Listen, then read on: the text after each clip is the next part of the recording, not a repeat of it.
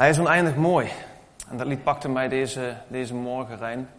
Ehm, God is een God die oneindig mooi is. Als je in zijn woord leest wat God allemaal aan ons toevertrouwt, wat hij ons belooft, dan kan ik wel zeggen, ik vind God oneindig mooi. En ik wil jullie vandaag meenemen naar iets dat mij heel erg fascineert. De laatste weken pakte dit thema mij enorm. En de laatste dagen naar deze dag, naar dit moment toe, zag ik in één keer dat het ja, niet voor niets is. We vieren vandaag het avondmaal. We denken wat Jezus voor ons aan het kruis gedaan heeft. En die fascinatie die gaat daarover. Het thema wat ik met jullie wil delen, de vraag die ik mijzelf gesteld heb en die ik me van, de vraag die ik me deze morgen weer stel, is waar sta ik? Sta ik voor of sta ik achter het kruis? Zo'n krachtig symbool en we hebben het vanmorgen hier vooraan weer neergezet.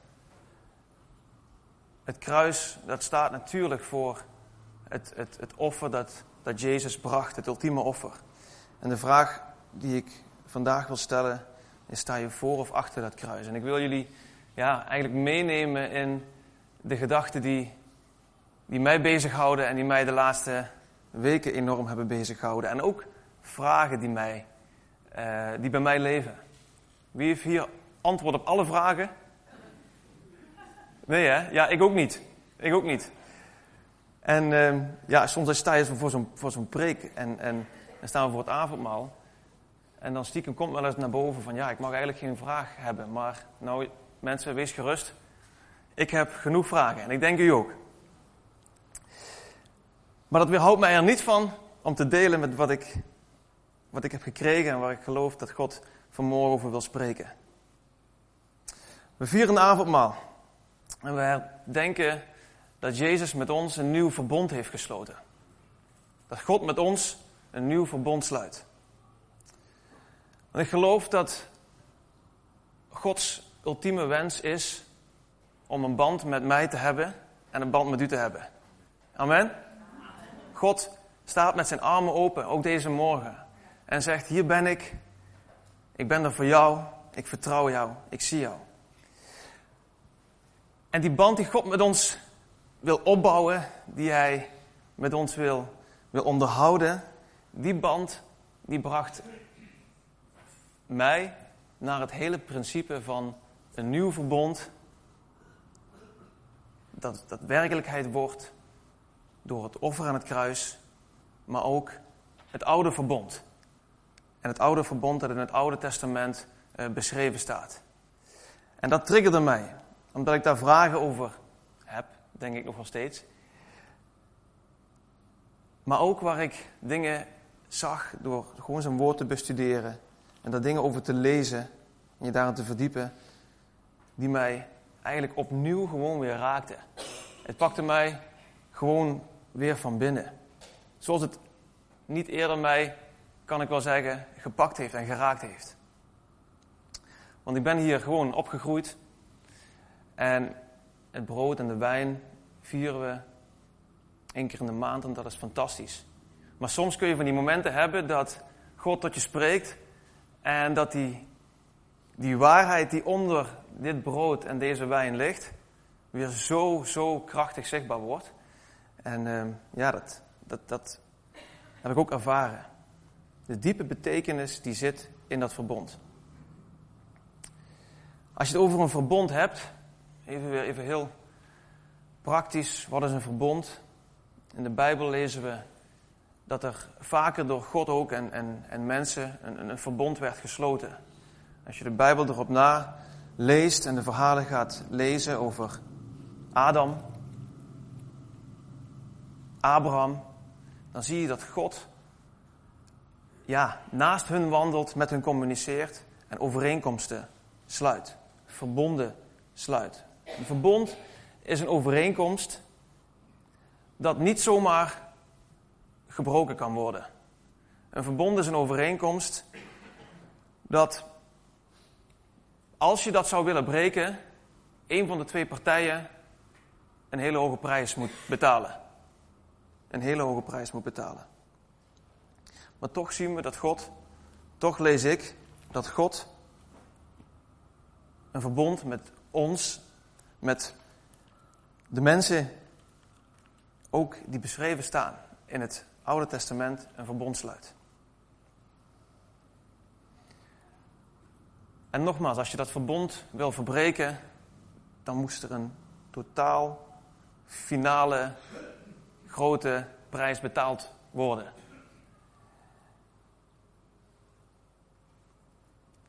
Eén van de twee moest zich wegcijferen. Moest eigenlijk niets anders dan overlijden, doodgaan, om een verbond ongedaan te maken. Het was eigenlijk voor het leven.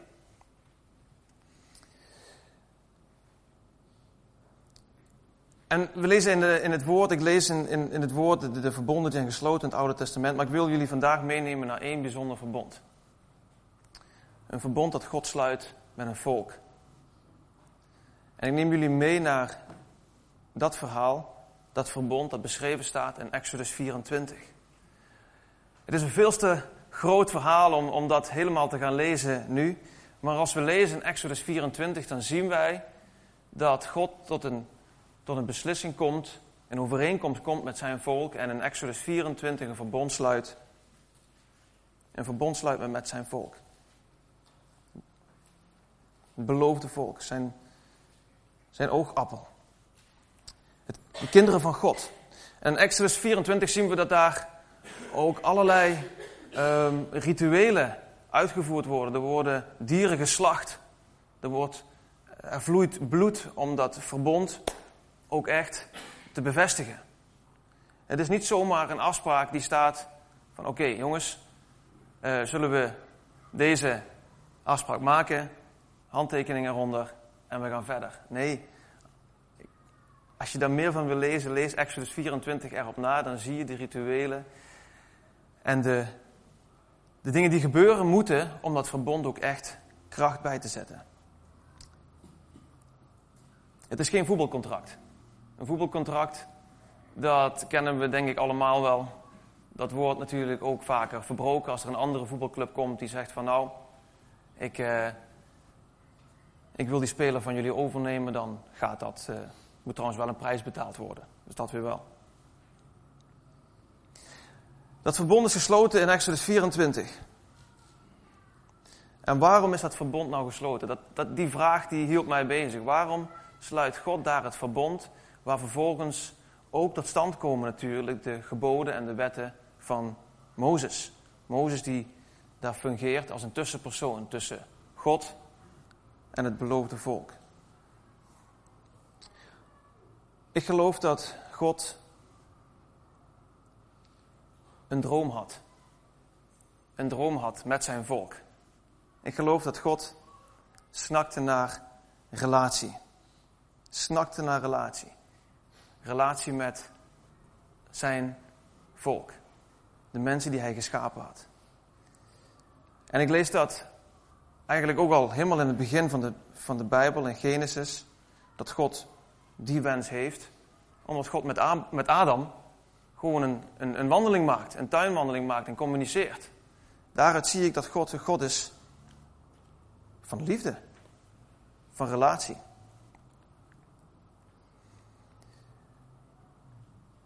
Maar waarom dan dat verbond? Dat is de vraag die mij bezig houdt, mij bezig hield. Als ik naar Exodus 19 ga, dat stukje wil ik wel met jullie lezen. Exodus 19. Dan zie ik die fantastische God. Die fantastische God die uitspreekt over zijn volk wat hij daarvan vindt. Als je daar leest in vers 5, Exodus 19, vers 5. Als je mijn woorden te hard neemt en je aan het verbond van mij houdt, zul je een kostbaar bezit voor mij zijn. Kostbaarder dan alle andere volken. Want de hele aarde behoort mij toe. Een koninkrijk van priesters zul je zijn. Een heilig volk. Wat ik hier lees, is dat God een God is van een ontzaglijk grote belofte.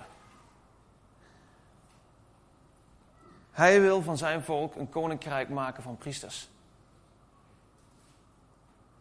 Een heilig volk. Met andere woorden, hij wil aan dit volk bouwen. Hij wil dat ze in hun bestemming komen en dat ze grote dingen gaan doen. Dat is wat ik hier uithaal, dat is wat ik hier lees.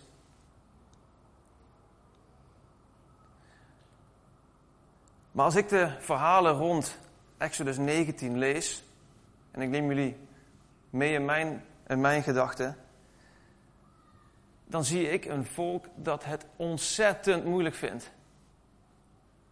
om met deze uitspraken om te gaan. In Exodus 20, vers 9 en 10 lees je dat Mozes en Jethro overleg hebben over hoe kunnen wij zorgen dat het volk recht blijft lopen. En er wordt een principe van regels, afspraken met elkaar afgestemd. En wat het volk eigenlijk ook zegt als, als je leest in deze hoofdstukken van Exodus en ook Exodus 19 verder leest, dan zie je dat Mozes die belofte van God krijgt, dat deelt met de oudste van het volk. Er vervolgens angst ontstaat bij dat beloofde volk. Mozes ging terug, riep de oudste van het volk bijeen en deelde alles mee wat de Heer hem had opgedragen. En het hele volk antwoordde uit één mond: Wij zullen alles doen wat de Heer heeft gezegd. En Mozes bracht het antwoord van het volk aan de Heer over.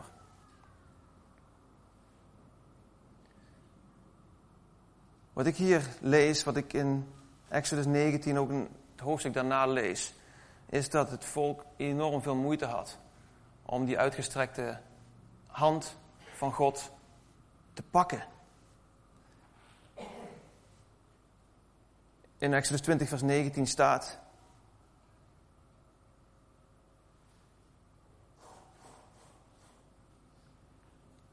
Dat ze bang zijn voor de donkere wolk waar God in is vertegenwoordigd. En ze daar Mozes naar voren schuiven.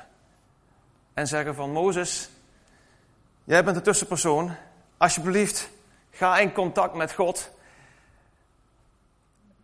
En dit is mijn eigen vertaling die ik daar, daarbij heb. Maak, maak ook vooral die afspraken, zodat wij weten waar we aan toe zijn. En zodat we weten wat we wel mogen en wat we niet mogen. Om vervolgens die zegen van God te ontvangen. Ik lees daar een hele grote struggle bij dat volk van God. Die God die met Adam door het paradijs liep. En die God die zegt, ik wil van jullie een koninkrijk van priesters maken. Mijn eigen volk. En het bracht mij ook bij een gedachte bij mezelf. Heb ik ook niet wel eens die struggles? Dat als mensen heel dichtbij komen, met goede bedoelingen, met liefdevolle bedoelingen, dat ik ook wel eens een muurtje om me heen trek. Of heen bouw. Ik kan me nog echt wel herinneren de tijd dat ik begon af te spreken met mijn inmiddels fantastisch lieve, mooie vrouw. Dat ik begon af te spreken en dat we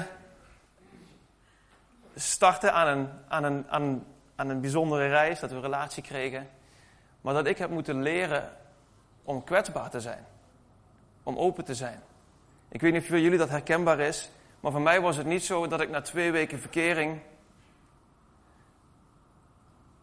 alles al deelde wat in het diepste van mijn hart zat. Misschien zijn er uitzonderingen. Misschien zijn er mensen waar het heel makkelijk gaat. En is dat mijn ding. Misschien is het wel meer een mannending dan een vrouwending. Maar ik geloof dat iedereen dat wel ervaart. Of die voorbeelden in zijn leven heeft. Dat het best wel lastig is als iemand liefdevol tegenover jou staat. Om je dan kwetsbaar op te stellen. En vooral vond ik het lastig om ook wat controle daarin af te geven. En dat is een proces, wat gelukkig in positieve zin ontwikkeld is. En nog steeds, want, want ook je relatie die je samen hebt, als je het hebt over verkering of een, of een huwelijk, en zelfs ook in vriendschappelijke relaties, dan is het ja, een, een, een reis, een proces. En daar moest ik aan denken toen ik dit verhaal las in Exodus over dat volk dat het ontzettend moeilijk vond om met die machtige, grote God om te gaan.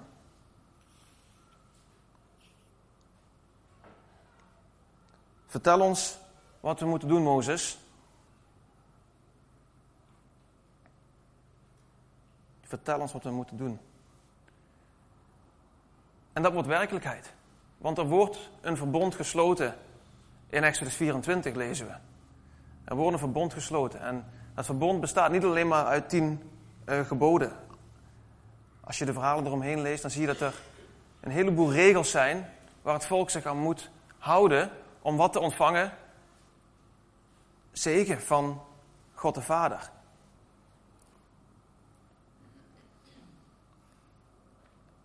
En ik lees daar een verbond dat gebaseerd is op voorwaarden. Je houdt je aan deze regels, dit spreken wij af. Een verdienmodel. Regels zijn helemaal niet slecht hoor. Helemaal niet. Helemaal niet.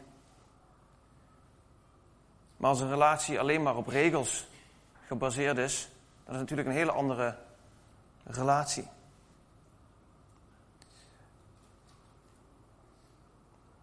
En die God die hier spreekt, die is super rechtvaardig. En dat is dezelfde God als die wij nu kennen. Dat is onze God de Vader. Die is super rechtvaardig. En als God iets afspreekt, dan houdt hij zich daaraan. Dan houdt hij zich daaraan. En de openbaring die ik de afgelopen weken zo, zo heb gelezen, als ik hier door dit bijzondere verhaal van Mozes heen ga, dan zie ik inderdaad dat God zich houdt aan zijn verbond. En die wetten van Mozes zijn werkelijkheid. Dat staat beschreven in dat, dat verbond.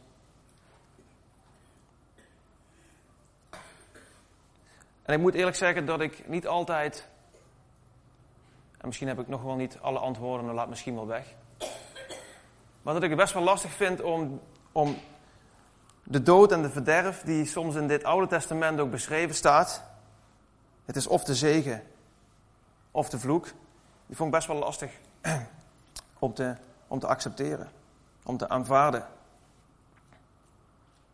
Maar toen ik dit las en hierover nadacht,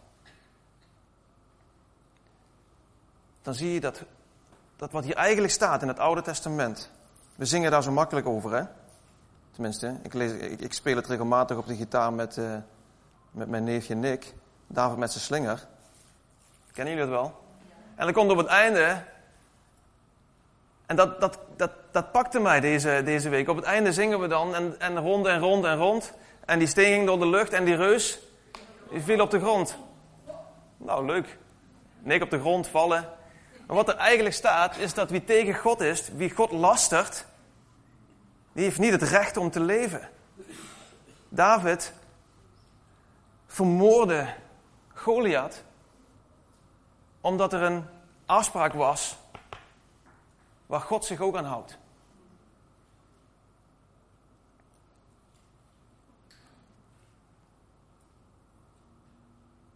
En ik heb er nog wel veel meer vragen over, maar dit pakte mij. God, u bent dus een God die iets afspreekt, iets vastlegt. En wat ben ik eigenlijk best wel blij dat ik niet in het Oude Testament leef. God is een God die zich aan zijn verbond houdt. En het verhaal, naast David zijn er, zijn er, zijn er tal. Maar toch geloof ik dat God een handreiking doet naar jou en naar mij. En dat ook al deed in het Oude Testament, door wat ik lees hoe hij met Adam omgaat. En ik pak er maar twee uit en met Abraham omgaat. En trouwens ook met David. Nog veel meer mensen. En dat hij niets liever wil dan een relatie met ons hebben.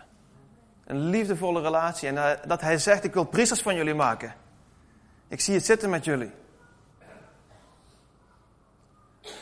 Maar wat moest er gebeuren om die droom van God, want zo beschrijf ik het, om die droom te verwezenlijken op een nieuwe manier?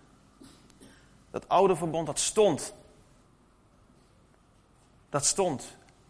En dat kon niet vernieuwd worden. Zonder dat God zelf moest sterven. Hij kon die droom alleen maar realiseren als hij zelf zou sterven.